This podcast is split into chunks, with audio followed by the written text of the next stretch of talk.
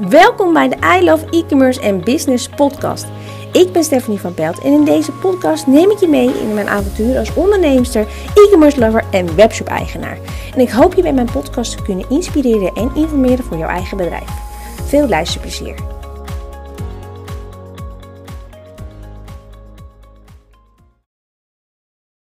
Als je mij nou vraagt wat een van de belangrijkste redenen is waarom ik doe wat ik doe, is denk ik dat mijn burn-out mij ehm, echt het setje heeft gegeven om te gaan ondernemen. Dus ik wil je eigenlijk ook mee nemen in hoe mijn burn-out mij heeft geholpen.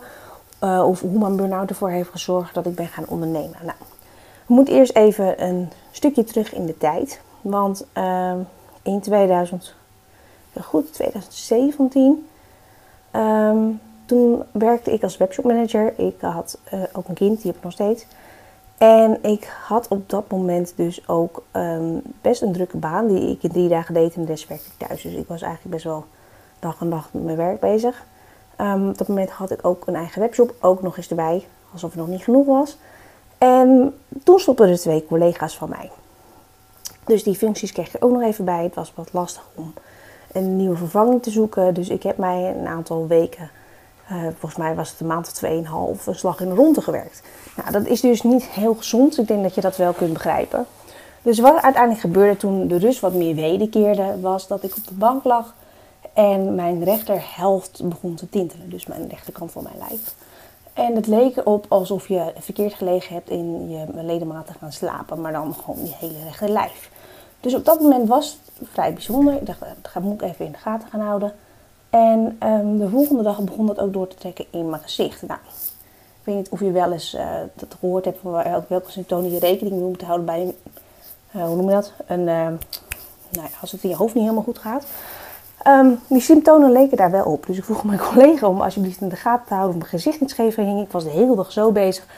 Het was gewoon een hele rare situatie. Dus ik heb op dat moment de huisarts gebeld en het uitgelegd. En de volgende dag zat ik al bij de huisarts. Um, daar kwamen we erachter dat ook mijn rechterkant meer een gevoel had. Het was heel tof. Dus echt alsof je een verdoving hebt van de tandarts, dat gevoel.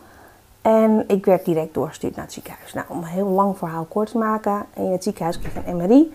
En ze waren bang dat ik MS had. Nou, dat is gelukkig goed afgelopen. Dat had ik dus niet. Het was waarschijnlijk pure stress. Nou, op het moment dat dat speelde, gebeurde op het werk ook heel veel. En uiteindelijk, na zes weken in spanning te hebben gezeten, niet veel te doen heb gehad en ik echt tot hier zat. Ik liep echt op het tandvlees. Um, is het bedrijf failliet gegaan.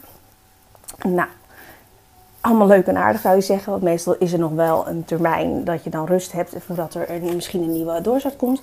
Maar nee, de nieuwe doorstart kwam meteen de dag erna. Ik kreeg een nieuw aanbod. En um, doordat die lager was dan mijn huidige contract, kon ik die opzeggen. Dus ik hoefde hem niet te accepteren. Dan had ik drie keer bij het UWV gebeld en drie keer kreeg ik hetzelfde antwoord. Alleen toen ik dat deed, en op dat moment zat ik echt, ik kon echt niet meer.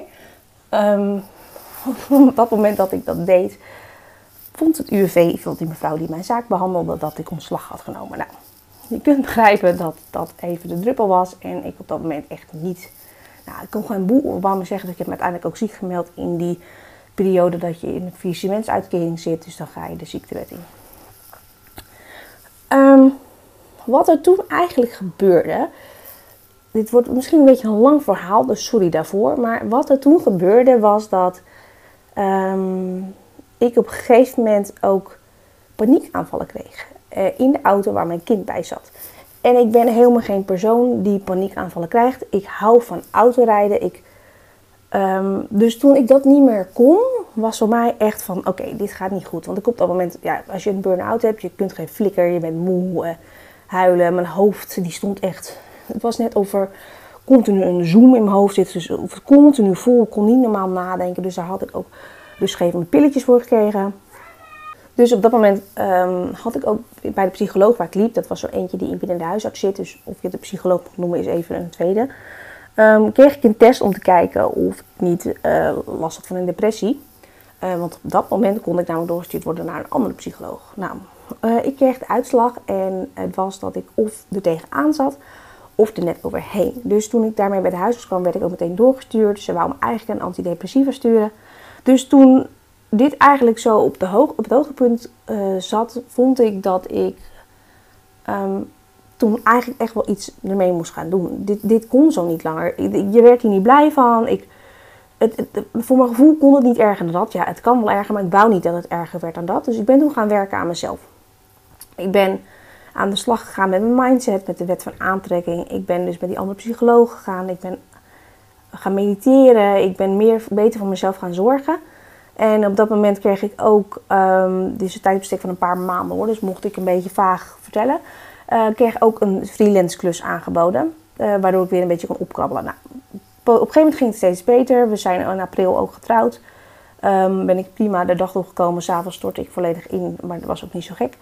Um, en toen kreeg ik een andere baan aangeboden gekregen. En um, daarbij zou ik weer een hele webshop op gaan zetten. De webshop stond er al, maar die moest gewoon next level. Ik heb wel gezegd, ja sorry, maar ik doe het maar twee dagen. Ik zit met een kind, ik heb nog een eigen webshop. ik doe het maar twee dagen. Nou, al met al, uh, bij die nieuwe baan was ik eigenlijk alleen maar uh, brandjes aan het blussen, pakketjes en inpakken, levering aan het wegboeken. Ik was eigenlijk een soort van logistiek manager in plaats van dat ik deed wat ik leuk vond. En wat ik aandraagde om die webshop te verbeteren, werd eigenlijk niet serieus genomen. Dus je kunt begrijpen dat um, dat best wel een, een, domper was. Weet je, je komt uit zo'n shit situatie en dan kom je eigenlijk weer in iets waar je niet blij van werd. En ik durfde dat thuis eigenlijk niet te vertellen. Want ik dacht, ja, die ziet me alweer aankomen. Uh, heb ze net gezeik gehad met al het geld met het UWV. Ik heb uiteindelijk wel gelijk gekregen van het UWV. Dat ik wel terecht uh, ontslag, uh, een nieuwe contract had afgewezen.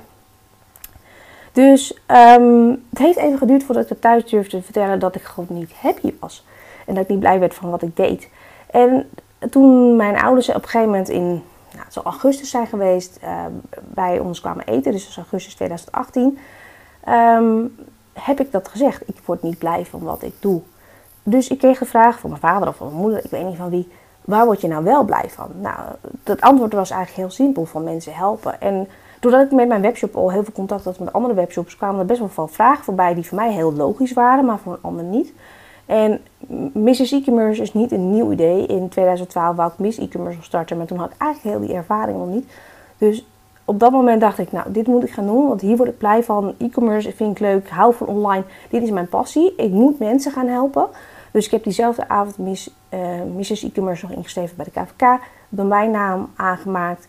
En um, drie weken later had ik een challenge met mijn eerste verkopende klanten. Dus eigenlijk ging het dan meteen heel vlot. Maar ik zat nog steeds bij die werkgever. Dus het kostte me heel veel tijd om dat allemaal te combineren. En op een gegeven moment besloot ik, omdat ik ook met de wet van aantrekking bezig was, dat ik per 31 oktober mijn baan zou opzeggen. Dat heb ik in mijn agenda gezet. Nou, uiteindelijk heb ik dat half oktober al gedaan. Dus per 1 december zou ik stoppen. En de vraag die ik mij dus stel nu, en dat heb, ben ik toen na die burn-out mee begonnen, is: wat is nou het ergste wat er kan gebeuren? En ik zei ook: ik zeg het op, ik word hier niet blij. Voor hetzelfde gaat wordt mijn contract niet verlengd, kan mij het schelen, maar ik, ik wil dit niet meer. En het ergste wat er kan gebeuren is dat ik een andere baan moet gaan zoeken. Nou, als dat het ergste is, en het punt is dat wij als mens ons vaak veel te druk maken om dingen die niet belangrijk zijn. Als je terugkijkt naar deze hele situatie, um, is het dus zo dat eigenlijk wat alleen belangrijk is, is je gezondheid. Dat weet ik gewoon omdat ik gewoon echt dus twee keer aan toe best wel diep gezeten heb. Um, dat is belangrijk. Je gezin is belangrijk, je familie is belangrijk. Voor de rest het zal je een worst wezen. En ja, geld is makkelijk, maar wat dat betreft zijn er dus altijd oplossingen. Dus ik heb toen mijn baan opgezegd onder het mom van wat is het ergste wat kan gebeuren, een andere baan zoeken. Nou, dat heb ik dus tot nu toe niet hoeven te doen. We zijn nu, um, kijk, dat was 1 december 2018 dat ik dus mijn baan, uh, dus geen baan meer had. En we zijn dus nu anderhalf jaar verder zo'n beetje. En ik heb nog steeds geen baan. Ik heb alleen mijn eigen bedrijf. En ja, er zijn momenten geweest waarvan ik dacht: shit, hoe ga ik dit doen? Er komt niet genoeg inkomsten binnen. Zal ik er wat bij gaan doen? Maar als ik dan bedacht dat ik dus bewijs van een baantje in een winkel moest nemen op een zaterdag, betekende dat ik tijd moest inruilen uh, met mijn kind voor geld. En dat geld was het mij niet waard. Mijn kind was het belangrijker. Het belangrijkste. Uh, dus die, wat, wat, verdien je nou dan op zo'n dag? 300 euro per maand? Dat was het me niet waard. En ik had het altijd kunnen doen als het echt had gemoeten. Daar niet van. Maar ik stel mezelf nog elke keer de vraag als ik er wat ga doen. Wat is nou het ergste wat er kan gebeuren? En 9 van de 10 keer valt het reuze mee. Dus ik heb vanuit mijn burn-out geleerd om heel anders tegen het leven aan te kijken. Maar niet zo druk te maken om dingen die absoluut niet belangrijk zijn. Ehm, druk te maken de dingen die wel belangrijk zijn. Je familie, je gezin, noem het maar op. Ehm, en te gaan doen wat je leuk vindt. Want die zomer kwam bij mij echt in mijn hoofd van waar ben ik nou aan het doen? Ik heb niet al die shit doorstaan om nu hier dingen te gaan doen waar ik niet blij van word. Terwijl er genoeg kansen in de wereld liggen. Dus dat is mijn verhaal over hoe ik ben gaan ondernemen vanuit een burn-out. En ik hoop dat ik je hier ergens mee heb kunnen motiveren of inspireren om ook je hart te volgen en te doen wat je nou eigenlijk wilt doen. Want ik denk dat dat het allerbelangrijkste is. Het leven is op kort genoeg en we zien allemaal wat voor onzin en wat voor nare dingen er in de wereld gebeuren. Dus volg je hart en neem soms een sprongetje.